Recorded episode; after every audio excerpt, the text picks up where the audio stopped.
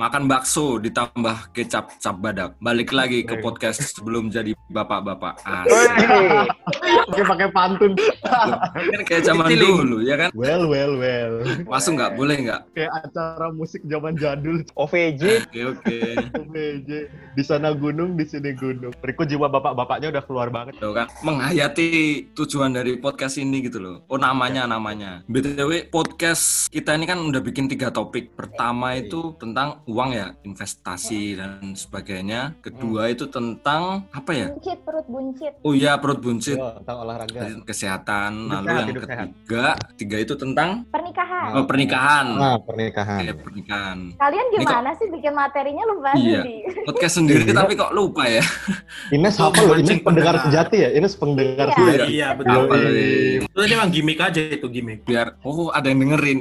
Iya. Lumayan. Terus hari ini kita bahas apa nih, Ko? Oke, sekarang kita bakal masuk yang keempat. Nah, kita bakal bahas tentang asuransi nih. Mantap. Nah, Mantap. tapi sebenarnya aku punya cerita yang sebenarnya apa ya, awkward gitulah tentang eh, pertama tahu tentang asuransi gitu loh. Jadi dulu tuh ceritanya Tar eh, dulu.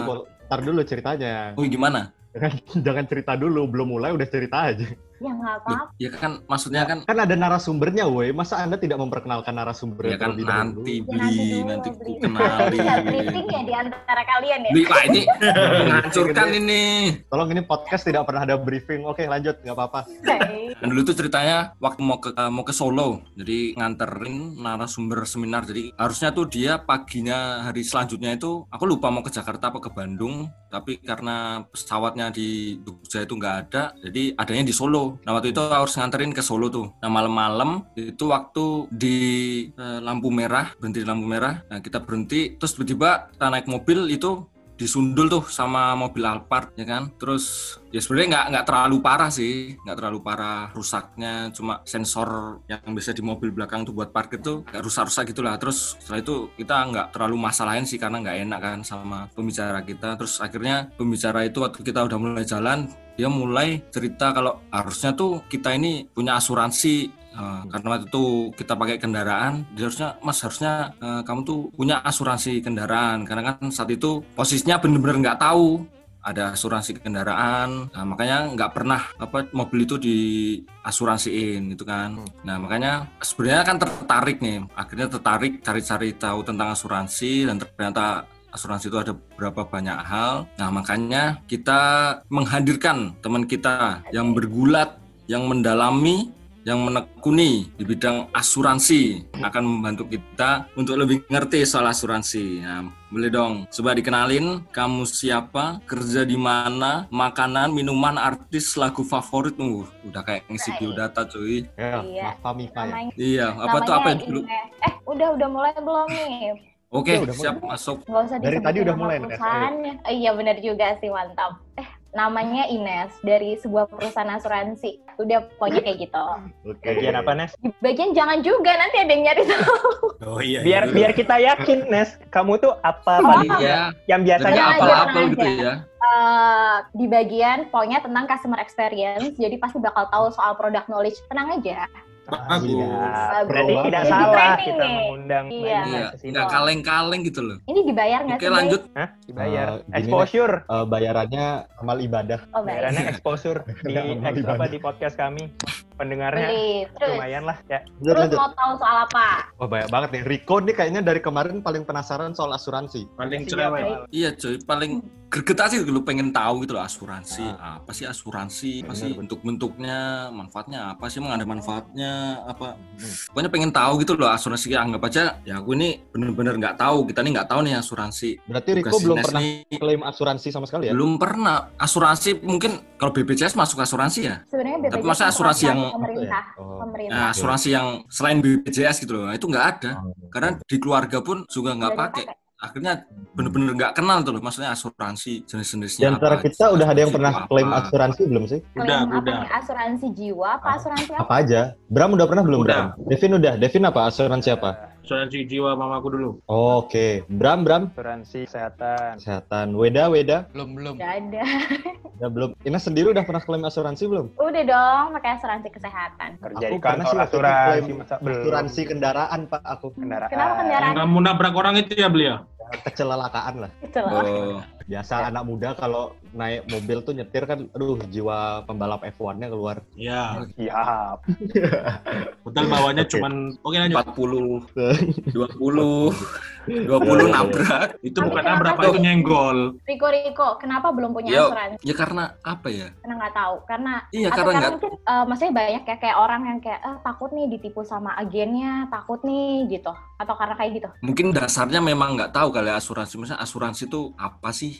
Bentuknya tuh Oh, bentuk apa sih? Ditambah gitu. lagi nih, lagi ini kan Ah. lagi heboh-heboh nih. Oh, iya. Jiwasraya. Nah, Semakin lagi nih orang-orang Bumi nih. Putra. Udah nih Ines makin jalan makin lagi kan makin makin udah belum punya terus disuguhi cerita yang kayak gitu jadi kayak coba deh pengen tahu gitu dari Ines maksudnya asuransi Hmm. itu apa Nah, terus baik. masa penting apa gitu loh Kita singkirkan pemikiran buruknya kita singkirkan dulu, kita belajar yang benernya dulu nih ya konsepnya. ah makanya itu Mungkin pertama Ines bisa jelasin dulu Nes asuransi itu sebenarnya apa sih Nes? Kayak apa sih? Iya, ini secara harfiahnya ya.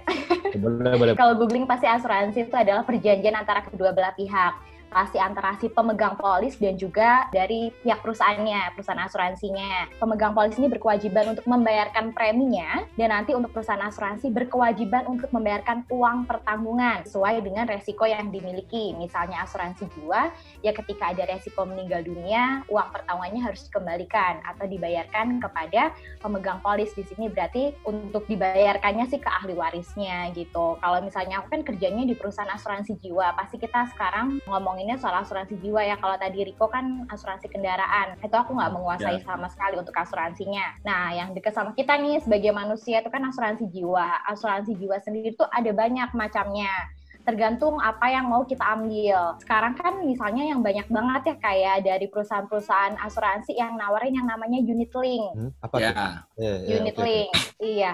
Unit link itu adalah asuransi dan juga investasi. Jadi biasanya kalau misalnya dulu ya, kalau orang tua orang tua kita misalnya dulu punya asuransi, itu pasti biasanya asuransi tradisional. Jadi misalnya ketika udah bayar preminya, nanti di kurun waktu tertentu, ketika nggak ada resiko meninggal dunia, preminya dikembaliin. Itu namanya asuransi tradisional. Nah, kalau misalnya asuransi unit link, itu dia jadi kebagi dua preminya. Kalau misalnya yang tradisional tadi, premi ya udah langsung masuk jadi satu aja untuk bayar eh, setiap bulannya atau sesuai dengan frekuensi bayarnya. Kalau misalnya unit link, dia kebagi jadi dua, yaitu premi top up sama eh, premi basicnya, premi dasarnya. Premi dasar ini ditujukan untuk bayar produk asuransinya. Premi top up ditujukan untuk investasinya. Tuh, nah kalau misalnya masih bingung, sekarang sih perusahaan asuransi banyak banget yang nawarin unit link karena dia itu lebih menguntungkan. Misalnya nih, kita ya amit-amit ya eh, meninggal dunia itu kan nggak ada yang pengen ya. Nah, selama Iya pertang ah, ah, selama pertanggungan itu? Devin kayak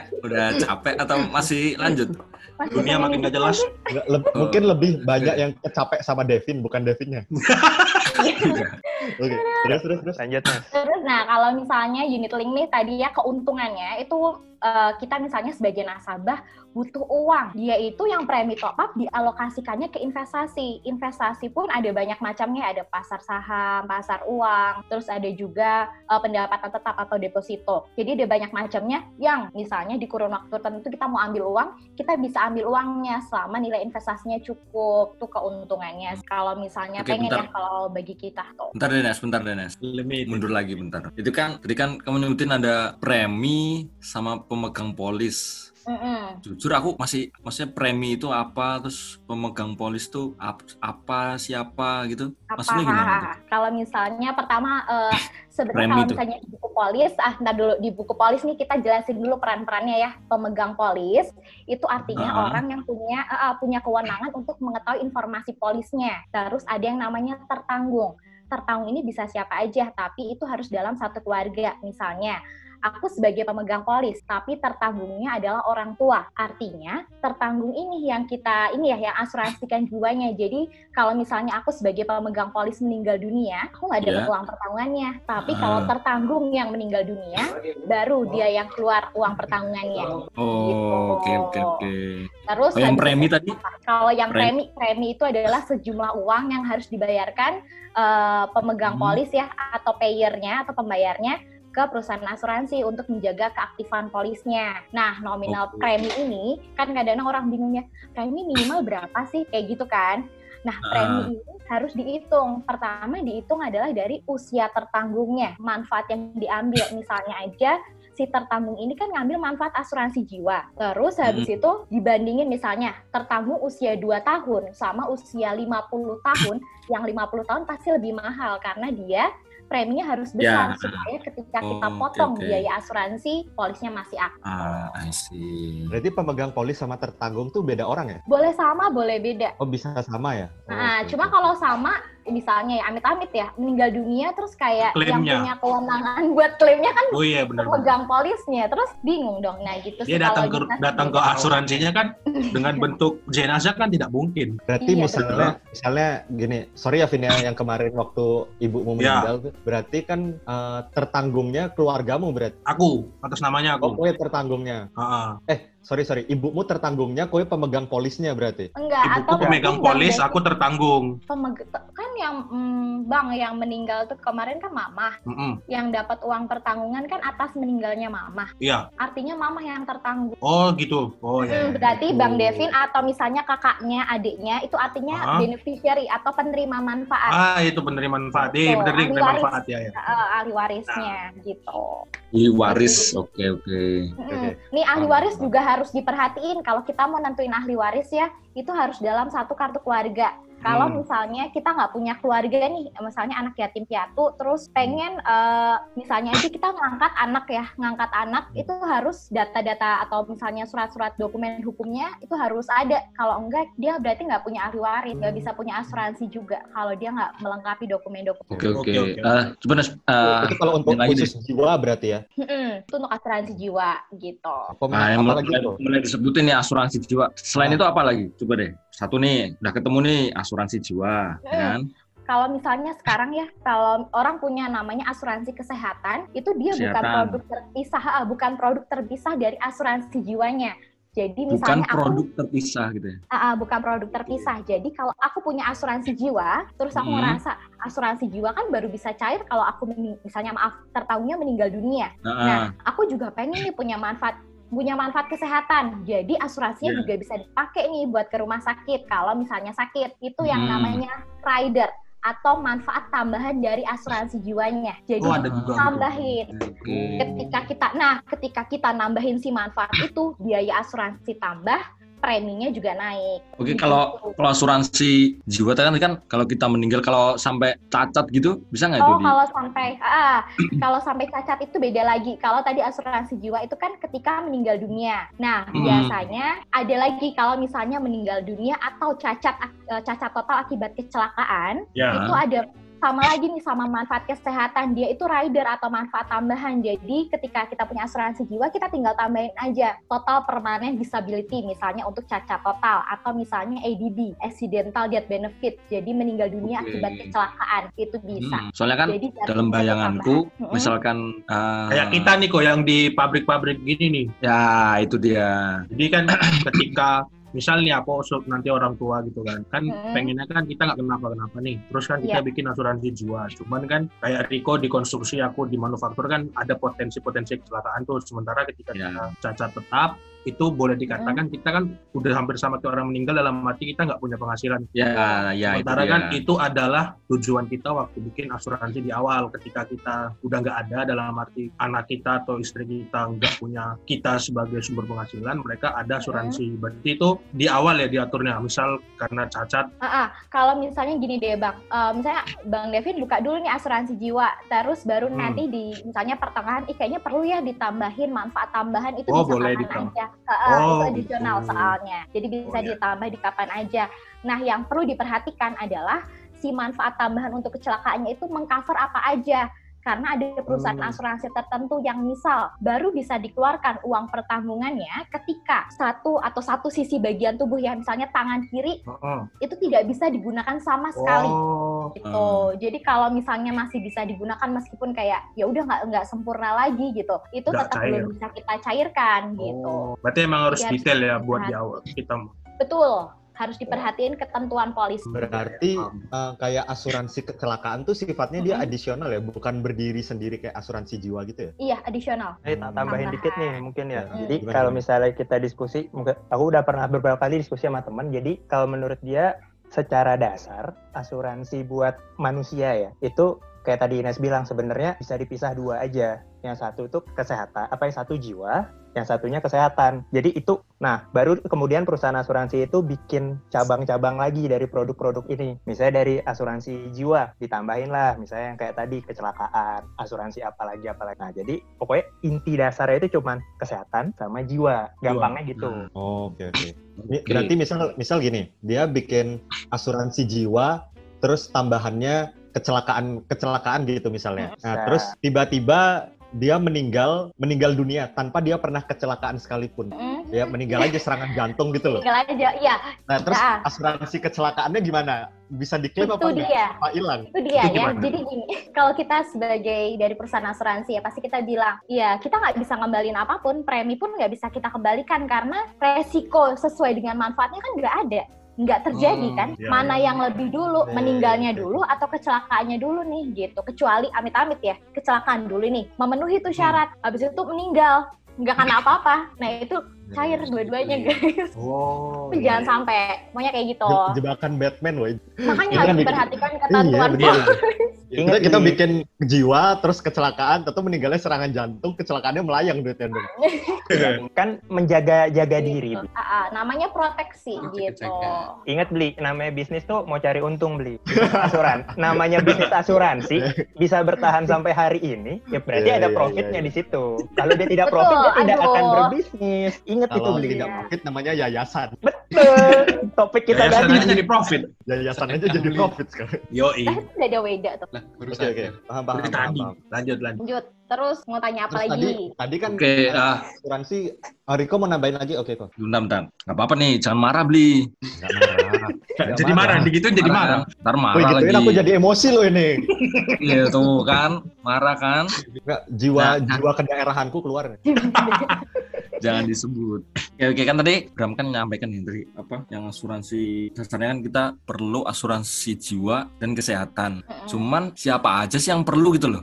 Apakah benar-benar semua orang perlu atau gimana gitu loh? Ah, ah. Kalau misalnya yang namanya asuransi, apalagi asuransi jiwa, itu bukan untuk melindungi yang meninggal, tapi melindungi yang hidup. Misalnya aja kalian nih bapak-bapak, calon bapak-bapak, mau jadi bapak-bapak, kan nggak tahu ya maksudnya meninggal di usia berapa, kondisinya nanti seperti apa. Itu dia pentingnya Hmm. asuransi supaya nanti ya istri sama anaknya, misalnya ya kalian pergi, mer- mereka nggak kaget gitu, nggak ada nggak ada yang ngasih pendapatan, nggak kaget karena masih ada uang pertanggung Nah, gitu. kalau berarti kalau masih single gitu gimana? Misalkan Kalau masih Katakanlah gini. single, katakanlah Jadi mungkin keluarganya ya, keluarganya, adiknya, keluarganya ya. oh berarti ah, apalagi kita bisa misalnya nih anak, gitu loh. kenapa? Misalkan dalam lima tahun nih kita memproyeksikan lima tahun lagi kita baru akan gitu. berkeluarga. Oh, bukan. Misalkan, Heeh. Ya, apakah dari sekarang sudah baiknya sudah punya asuransi jiwa itu atau nunggu ketika udah berkeluarga nih? Ah, ah. Kalau menurut aku sih mending ya sedini mungkin. Kenapa? Kalau sedini mungkin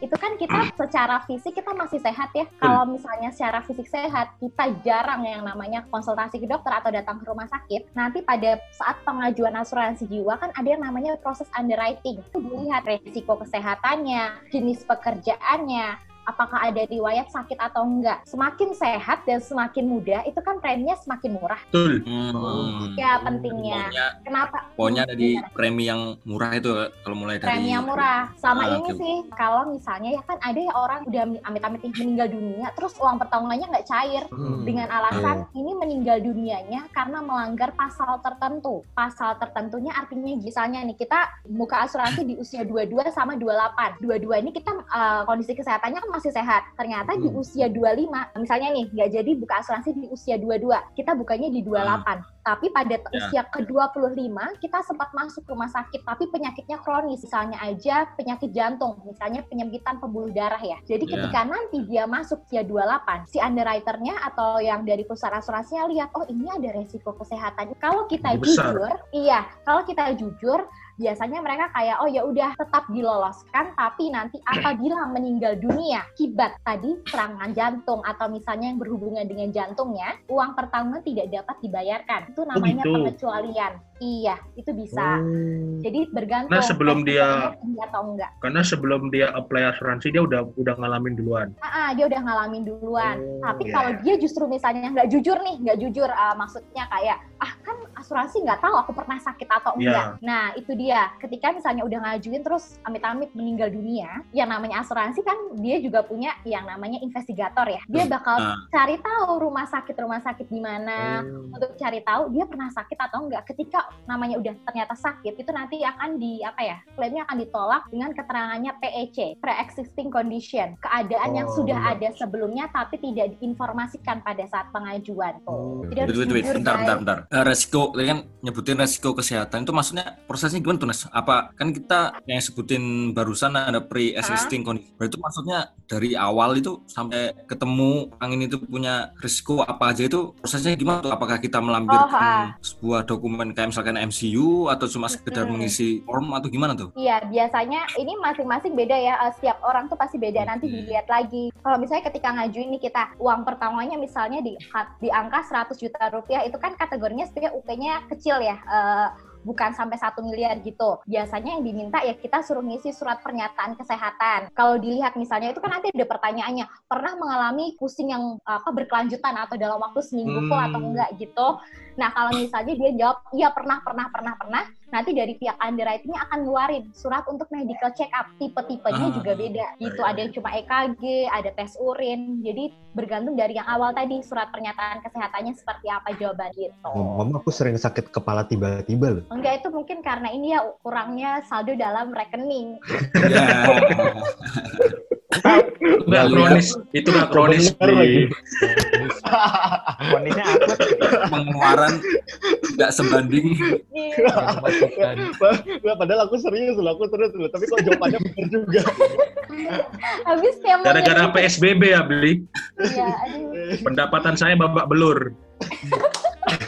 oh iya Wih, PSBB pendapatan saya bawa belur Tapi kalau misalnya masuk. cuma pusing doang gitu nggak ada gejala tertentu ya beli kayak Iya. nah ketika ke dokter juga biasa aja itu biasanya oh ya udah mungkin emang eh, Ya stres, atau apa gitu. Berarti eh, jumlah premi kita bayarkan tuh yang menentukan asuransinya ya, bukan kita. Maksudnya, oh kita mampunya setiap bulan bayar preminya segini. Nanti mereka yang kalkulasikan, jadi kita bisa klaimnya nanti ketika kita meninggal atau apa, berarti yang klaim orang lain maksud itu berapa gitu. Oh nggak bisa itu tetap ditentuin di awal makanya kalau Oh. misalnya kalian ngajuin itu ada yang namanya ilustrasi. Ilustrasi ini biasanya dibuat itu juga sepengetahuan si nasabah ya jadi tahu berapa premi yang dibayar, berapa nominal manfaatnya. Terus kalau misalnya diambil yang tadi unit link yang ada investasinya, di ilustrasi itu dia juga udah bisa lihat perkembangan investasinya, perkiraan dalam 5 atau 10 tahun ke depan seperti apa. Terus nanti harus ditandatangani kalau dia setuju ya sama nominal premi itu. Hmm. Oke, oke, menarik. Diulang lagi sampai paling minimal. Sebelum sebelum ini berarti kalau asuransi itu ada jangka waktunya nggak ya? Jangka waktu gimana? Jangka waktu. Bayar preminya, periode bayar. Bu- bukan Oh, bayar periode preminya. bayar. Maksudnya bu- bukan Masa periode berlaku. bayar. Masa berlakunya, masa berlakunya. ha. Masa pertanggungan. Ya istilahnya apa ya masa Oh, pertanggungan? masa ini misalnya sampai kapan sih asuransi itu bakal berlaku buat si tertanggungnya gitu? Atau sampai gimana? sampai kapan kita bayar asuransi itu? Ah, ya udah sampai kapan kita bayar asuransinya kan? Ha. Sampai kapan kita bayar asuransinya? Seumur hidup selama masa pertanggungan. Betul. Tapi biasanya nih, kan tadi kalau yang umum sekarang kan yang namanya asuransi unit link. Kalau asuransi unit link tuh biasanya di periode tertentu kita udah boleh nih nggak bayar premi. Misalnya tiga tahun awal kita udah bayar premi. Nanti di tahun keempat kita boleh nggak bayar premi selama nilai investasinya cukup buat dipotong biaya asuransi. Nanti kalau kita udah punya rezeki lagi baru bayar lagi gitu. Berarti kalau kita ngomong yang unit link ini, berarti kan eh, asuransi kita diinvestasikan ke instrumen investasi, misalnya kayak saham atau reksadana Ah, gitu berarti ya. Iya, betul. Berarti sifatnya fluktuatif dong naik turun, nggak pasti keuntungan yang bakal kita dapat. Iya, dong. itu dia. Apalagi ini yang kemarin aku rasain banget nih eh, adanya COVID-19 Mhm. itu benar-benar mempengaruhi banget harga unit. Apalagi kalau kita unitnya di asuransi itu terbagi jadi tiga. Hmm. Ada equity, pasar saham, ada fixed income, pendapatan tetap atau deposito, ada juga money market atau pasar uang. Nah, yang Hmm. equity ini yang naik turun. Jadi kadang-kadang orang kok nilai investasi saya tiba-tiba chill ya karena kan kita ngacunya dari harga juga. Oke, misalnya untuk asuransi jiwa. Untuk Hmm. asuransi jiwa kita pakai yang modelnya unit link. Berarti kan dibagi Hmm. dua tuh tadi ada yang dibikin tradisional, ada yang dibikin ke investasi nih. Ada yang Nah. untuk asuransi sama itu. Iya iya oke oke itu maksudnya. Konvensional bukan tradisional. Tadi Ines ngomongnya tradisional. Tradisional tuh tadi bukan Iqbal. gini, namanya Oh, oke. Oke, sorry sorry sorry sorry sorry gengs sorry gengs maaf. Nah ber- itu kan dibikin ada berarti itu dalam satu produk asuransi tapi dibikin dua jalur gitu istilahnya. ya? Iya, ah, langsung. Jadi langsung di Oke. awal langsung kepisah Misal- dua. Misalnya aku pakai itu untuk asuransi terus Mm-mm. aku meninggal. Aku meninggal Amit-amit. misalnya karena COVID ya di wabah seperti COVID ini. Mm-mm, Kan itu harga instrumen saham kan pasar kan lagi jatuh banget tuh. mm-mm. Kalau misalnya oh berarti itu bisa jadi kita malah jadi defisit dong kalau kayak Oh enggak, kalau misalnya tadi ya eh, namanya premi dasar yang untuk asuransinya untuk bayar biaya-biayanya sama tadi yang diinvestasikan ketika resiko meninggal dunia yang kita balikin ya uang pertanggungannya bukan investasi Ya, itu. kan Oke. Kalau misalnya kita kalau misalnya kita untung dari investasinya itu balik juga nanti. Iya, tinggal diambil aja, bisa diambil setiap saat Oh, gitu. oke. Jadi nggak ada periode jangka waktu lima tahun terus baru kita ambil tuh nggak bisa kapan aja. Tapi berarti eh, dengan invest apa asuransi unit link ini apakah lebih aman kita bikin kayak unit link gini jadi satu ada yang asuransi, ada yang investasi atau kita bikin di dua instrumen yang berbeda ada asuransi sendiri terus investasi sendiri bukan dalam satu asuransi. Ah, ah, nah, kalau ini tergantung preferensi orangnya ya. Asalkan ketika misalnya dia, oh ya udah sekalian aja nih, eh, maksudnya investasinya jadi semacam manfaat tambahannya dia ketika buka asuransi. Tapi jangan pernah menyamakan ketika kita nabung di bank sama ketika kita investasi di asuransi. Karena biasanya orang tuh salah kayak gini, ya saya udah lima tahun nih di asuransi, tapi kenapa nilai investasi saya tuh nggak berkembang kalau dibanding saya nanti nabung di bank? Ya jelas beda kalau misalnya asuransi kan dipotong juga untuk biaya-biaya gitu. Jadi itu preferensi orang. Ada yang kalau misalnya dia punya dana lebih, ya udah tinggal dipisah aja. Cuma kan sekarang unit link, maksudnya sekarang asuransi yang bisa ditambahin manfaat kesehatan unit link. Jadi mau nggak mau dia ambil unit link gitu. Yang tradisional kan ya udah tradisional aja asuransi jiwa aja gitu. Hmm, Ines jago banget, bener-bener cocok jadi mbak-mbak asuransi loh. Aku, aku, aku terpersuasif loh, aku terpersuasif loh. Terpersuasif. Li, kalau tiba-tiba datang terus yang layanin Ines langsung buka cuy. Hmm. Buka apa nih? Apa ini? Buka. Buka Polis, bos. Oh, buka polis. polis. Polis. Buka polisi. Polis line. Itu polis bahasa Indonesianya polisi kan? Iya, polisi, polisi. Iya, bagus. bener dong, nggak salah dong. Bener, nggak salah. Riko Anda selalu benar. dikit-dikit Gitu. ini. Emosi lagi. tanya? Weda mungkin mau tanya Weda. Ah, Weda, Weda. Aku mau tanya dong Des, kan sekarang eh, ini beberapa bebe- ini dari obrolan sama teman-temanku ya. Banyak teman-temanku yang masih belum mau buka asuransi karena mereka menganggap bahwa pendapatan mereka masih terlalu kecil. Ah. Nah, uang penanggungan itu untuk asuransi jiwa tuh ada batas minimal nggak sih? Ada sih. Nah ini tetap tadi sih yang kayak di awal ya, yang namanya premi itu atau misalnya uang pertanggungan tuh pasti ada batas. Ya ada juga yang kayak uang pertanggungan cuma 30 juta juga ada. Preminya Hmm. bisa aja 100 125 ribu per bulan tuh ada. Jadi tetap 125 tergantung. ribu itu cuma dapat 30 juta. Iya. Dikit juga ya. Padahal sebenarnya 125 ribu udah lumayan Eh, juga. tapi. 125 ribu itu unit link loh. Jadi nanti kita bisa ambil juga kan. Oh iya. Oke. Oh iya. 125 ribu. Aku mau nanya dikit. kali berapa kali? Eh, 30 rata- juta. Rata-rata rata-rata premi per bulan tuh berapa kira-kira? Hari ini aja. ya kalau misalnya oh ini untuk asuransi jiwa aja kan? Iya iya iya. Hmm. Iya, iya. minimum preminya bentar. Kalau sekarang standarnya ya untuk ya itu tadi sam- 200 eh, karena aku banyak banget kalau misalnya di perusahaan asuransi aku sendiri tuh ada banyak banget produknya ada yang dimulai tadi dari 100 ribu itu ada gitu jadi nggak bisa bilang juga nggak ada yang maksudnya nggak bisa bilang juga minimumnya berapa karena ya seenggaknya ada Hmm. segitu 100 Iya, iya. ribu Oke, oke, gitu oke. Tergantung Berarti di targetmu tempat aja Ines- nanti. Berarti di tempat Ines range-nya banyak ya? banyak dari yang jelatan ya kita kadang-kadang suka ngeledekin produk kita sendiri juga ini untuk sobat miskinku sama ini untuk kaum sultan itu juga ada gitu Emang hebat banget Gila. tempat asuransinya Ines nih menjangkau Menyasar seluruh segala ya. lini. Tapi tapi sorry kita nggak bisa sebutin nama perusahaannya. iya nama perusahaannya maaf ya Ya, Kalau mau endorse, Kalau mau, kalau mau endorse. bayar. Oke oke. Tapi ingat Iya, nih, maksudnya- nambahin Weda Gimana? tadi. Jawabin Weda. Itu tapi kalau misalnya ini kan pandangannya Ines ya, tadi pandangan Ines. Tapi kita balik lagi ke pandangan pandangan lain nih. Ini ada pandangan lain. Orang butuh asuransi jiwa itu ketika dia sudah punya tanggungan. Kayak yang tadi Ines Hmm. bilang, melindungi yang masih Yang hidup. iya Ya kalau misalnya pertanyaannya kayak Riko, kalau misalnya masih single gimana? Kalau misalnya dari aku sendiri, ya aku nggak punya nggak punya tanggungan loh. Bapak ibuku masih punya uang pensiun, aku belum punya siapa-siapa. Ya, kalau misalnya aku meninggal tidak ada yang terugikan gitu loh. Aku menurutku belum penting asuransi jiwa. Tapi kalau misalnya kasusnya aku punya adik, adikku misalnya bergantung hidup sama aku. Ya ketika itu Ya, aku ya, punya ya, asuransi ya. jiwa, menurutku lebih masuk akal gitu. Oke. Ya, Ngomong-ngomong Tapi- tertanggung, berarti tertanggung tuh memang harus keluarga ya? Nah, kan satu Iya. kakak beli tadi. Itu dia maksudku Soalnya- misalnya gini, misalnya gini, uh, ada ada satu momen ada dia seorang anak tunggal, terus dia udah nggak punya keluarga lagi, orang tuanya udah meninggal, dia hidup sebatang kara sampai tua, ya jomblo Ah. atau gimana gitu lah. Nah, Dia nggak Dia butuh bikin asuransi beli. dia ya si- siapa tahu kita nggak tahu ya. Mungkin dulu dia mungkin gini, dulu dia bikin asuransi jiwa untuk uh, orang Oh, tuanya. Orang tuanya. Jadi Hmm. orang tuanya klaim tapi ternyata orang tuanya udah meninggal. Terus ya udah akhirnya dia sendiri aja. Nah, kita mau ganti si pemegang polisnya nih. Misalnya Hmm. ke teman sendiri lah karena kita punya Hmm. teman gembel hidupnya susah, sedih banget lah hidupnya pokoknya. Hmm. Kita pengen ya kalau kita mati uang kita kasih dia aja gitu lah. Bisa nggak? Gila, beli bentar beli, bentar beli. Nah, apa-apa. Itu kayak sama gembel tapi sadar asuransi gila ini.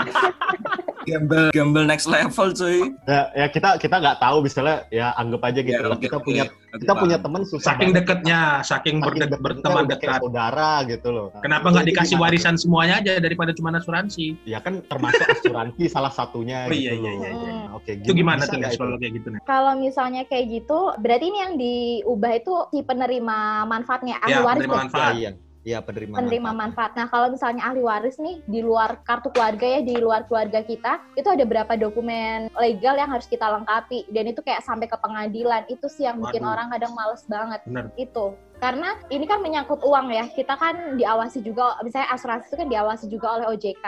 Ketika nanti Hmm. misalnya uang pertama nih akhirnya nggak tahu diserahkan ke siapa, itu yang nanti yang jadi tanya misalnya di audit gitu deh. Oh, Kan iya. nggak tahu itu siapa, nggak ada Berarti ikatan tapi apa pun. itu bisa aja kan ada kemungkinan tuh bisa, Bisa, kita kasih ke orang selama luar dia keluarga. bisa melengkapi dokumennya nggak apa-apa kemarin ada juga kok Niat. case yang kayak anak yatim gitu Siapa tahu besok Devin kaya raya kan tapi hidupku Iya, susah. terus- Iya, atau nggak ada istri gitu kan?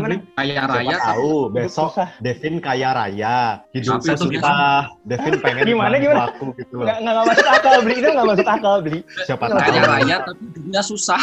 Maksudnya Susah ngabisin Devin duitnya. kaya raya, aku aku hidupnya susah. Oh, kirain Ini kan Devin ya. nggak gitu. Iya Nah, kan? Devin kaya raya, hidupku susah. Nah, Devin ya udah sakit-sakitan, sakit hati. Ya sakit kasih duitnya Devin aja langsung. Iya kan? Ngapain? Bener kan, ngapain Bro? nunggu asuransi sih beli? itu kan. Ya udah langsung jadi ahli waris aja. Sakit. Iya, kan salah satunya loh, Oh, iya, iya. Kayak tadi yang aku Nambah cerita, lumayan kan, nambah ya nambah awal. Awalnya awalnya kan orang tuanya tapi ternyata misalnya orang tuanya Udah. sudah tidak gitu kan Ah. harus diganti Hmm. Pak, kalau Devin udah terlanjur punya asuransi walaupun dijadiin ahli warisnya harus gandang apa. Tertanggung ya. itu kan tertanggungnya Ya, ya, ya udah, us, jangan gangguin. ya. Marah ntar marah. Nggak ada yang Nah, itu emosi nadanya kok. udah naik oh yang itu. bikin loh. aku emosi kok darahku udah naik nih kok aku biasa Eh, aja loh Iya, iya, iya. ini iya. aku bikin Ah, tanda udah. solid nih oke Eh, Nes, Nes, aku tanya dong, Nes. ah kenapa Ini kaitannya dengan tadi ahli waris. Jadi yang waktu di aku klaim asuransi mamaku itu agak aneh sih dalam artian tuh. Jadi kan ternyata yang penerima manfaat. Aku kan nama lengkap kan Albertus Devin Satya Pradana kan. Hmm. Ternyata itu di polis itu cuman Albertus Devin. Nah aku nggak tahu sih maksudnya kenapa. jangan-jangan waktu- bukan kowe Vin Nggak gitu dong. Jangan.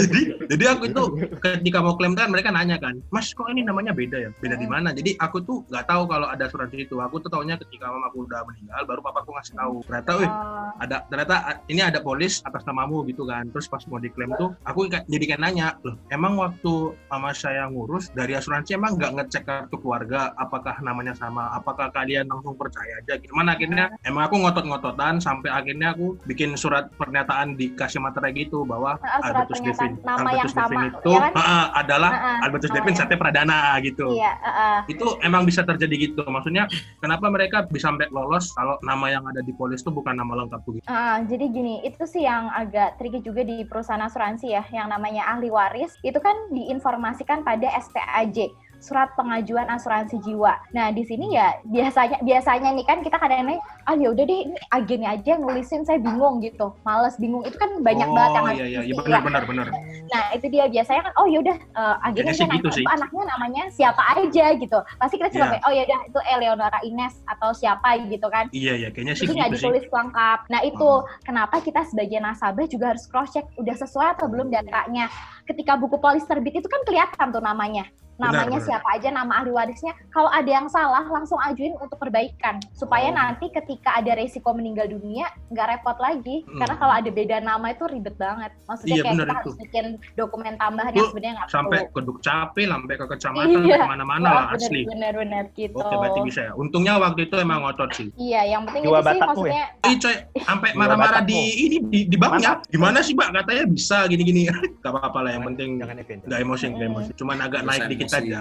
Yang emosi biar beli Nando aja dong, jangan diambil perannya. Itu peran saya. Iya, peran beli Nando. Oke, aku itu aja.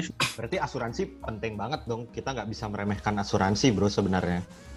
Iya nggak calon Nah, bapak-bapak. itu itu. Nah, poinnya di situ tapi apa ya? Sekarang kan kita ngelihat berita yang Jiwasraya itu ya. Benar-benar. Bumi Eh, Putra. yang lain tuh ada juga ya Asabri itu ya. Apa kalau yang udah buka mungkin ya emang udah udah ada deh. Gimana kalau yang belum buka loh kayak aku, aku kan belum sama sekali nggak ada asuransi nih. Tapi tiba-tiba terus ngelihat yang berita-berita kayak gitu. Nah, kira-kira gimana nih? Nah, meyakinkan mungkin orang-orang yang kayak aku untuk Hmm. masih tetap apa ya? Percayalah pada nggak- asuransi. nggak berpikir aneh-aneh gitulah Ah, tentang si itu. Jadi asuransi. gimana tuh? kalau misalnya ya untuk menghilangkan kecurigaan terhadap asuransi gitu ya. Pertama kalau misalnya tadi uh, kita kan dari awal bahasnya yang unit link. Kalau kita sebagai nasabah asuransi unit link, pastiin alamat email kita terdaftar di perusahaan asuransi. Kenapa?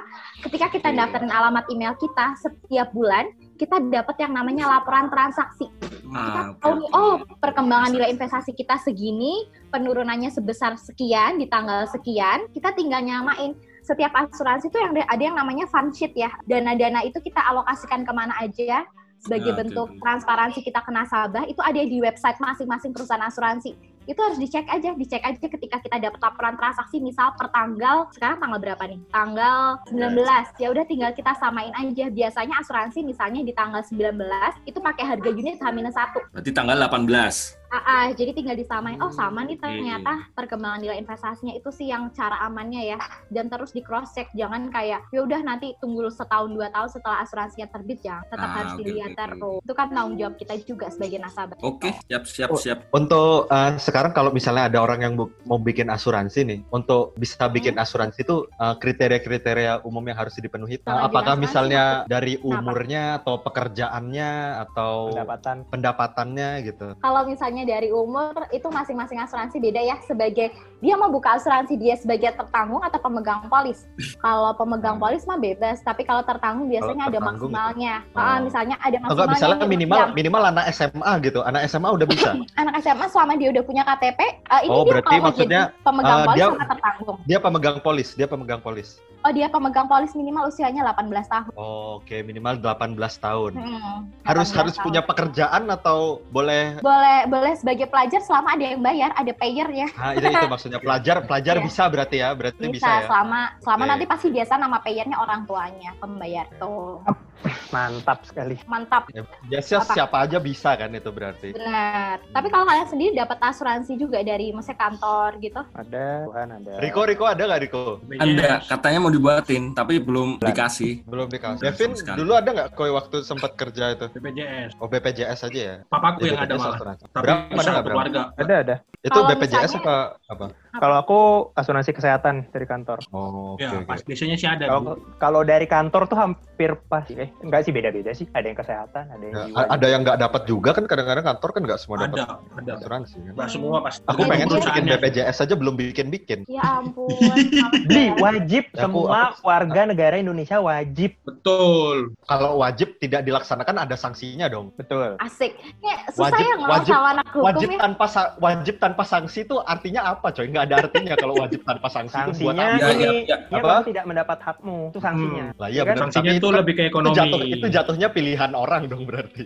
itu bukan sanksi itu pilihan orang. Benar juga ya. Ya, Sanksi ya, ya. misalnya tidak bikin BPJS digantung di lapangan alun-alun ya misalnya. Astaga. Itu kan sanksi. Ya, gitu. betul betul. Siap. Nah itu kalau misalnya udah punya asuransi kantor, mungkin kalau misalnya punya asuransi jiwa nggak perlu ditambahin kesehatan biar nggak nambah preminya tuh juga menguntungkan. Kalau asuransi kantor kan nggak semua eh, perusahaan ini ya bikin asuransi jiwa juga buat karyawannya. Tuh. Paling cuma Hmm. santunan kematian. Iya. Yang pekerjaan Iya, berisiko itu. tinggi. Untuk perusahaan bikinin asuransi untuk karyawannya tuh berarti nggak wajib ya? Enggak wajib sih, cuma kan itu salah satu. UU ketenaga kerjaan gimana, Bli? Aku nanya, Yang siapa wajib tahu ada udah, yang udah ada BPJS. jawaban lain. Oke, oke. Kalau BPJS sih itu udah dianggap asuransi. Jujur kalau hukum ketenaga kerjaan aku juga nggak hafal semua isinya, aku Iya. kurang tahu. deh. Sorry, geng. Aku malah agak apal malahan. Riko mungkin kayaknya lebih paham banget hukum ketenaga kerjaan. Sebagai proy kuproy nih. Yoi. Kuproy mak, goyang pabrik. kuproy aja bro. Pading ding, jangan ding ding pading. Ya, doang. ya itu. Oke, oke, oke, oke. Nas, thank you banget. Tapi kayaknya bakal masih lanjut lagi sih di part-part lainnya. Soalnya aku Ya masih apa-apa. kadang-kadang kan Aku Jadi kan juga kita sih. belum belum mendalam kan, maksudnya asuransi kesehatan Iya. belum mendalam banget. Betul. Terus eh, masih masih banyak yang bisa dicari tahu, dipertanyakan supaya kita kaum kaum yang mungkin nggak ngerti asuransi bisa tambah oke. Boleh, boleh nanti ke depannya belajar soal pengecualian polis juga boleh tuh hukum-hukumnya, Ya, pasal-pasal. Dan ntar kita Oh iya, jadi buat- podcast FAQ. Frequently asked question. Kita jawab semua. Santuy beli Nando, insya Allah. Lanjut, Bang Der. Berarti eh, rangkuman kita malam ini cukup banyak setidaknya memberikan pemahaman mengenai asuransi. Eh, dipahami beberapa mudah dong. Mudah sekali, Beberapa yang paling sangat. penting tuh adalah kenapa asuransi penting tadi ya karena kita nggak tahu umur, kita nggak tahu tahu apa yang terjadi. usia. Jadi ketika iya kita nggak tahu usia, jadi eh, daripada terjadi yang nggak nggak misal katakan buat atau buat suami anak, ya Hmm. mending kita nyiapin asuransi. Eh, juga kalau kita bicara besaran polis itu tergantung tiap orang, tergantung penerima manfaat. Nah, penerima manfaat juga jangan lupa ini yang paling penting ya, ingat harus tercantum di KK. Jadi jangan sampai kayak tadi Blinando ngasih buat temennya, bisa sih bisa, cuman kita perlu nyiapin surat-surat karena kita tahu di Indonesia ngurus surat gimana. Jadi mending ya kita tahu sendirilah. Terus Nah. apa lagi tadi ya?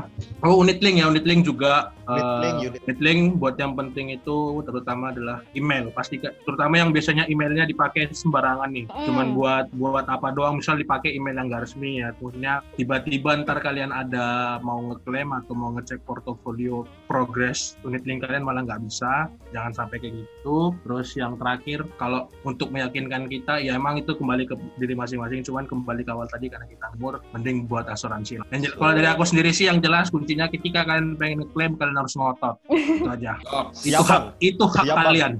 Siap banget. Benar, benar, Itu benar. hak Itu kalian. hak. Oh ya, terus juga buat pendengar podcast kita, kalau masih pengen ada yang ditanya soal asuransi, bisa lewat komen IG atau DM. Eh, semoga bisa kita jawab di episode yang akan datang. Mau tanya Ines langsung, boleh nggak tuh?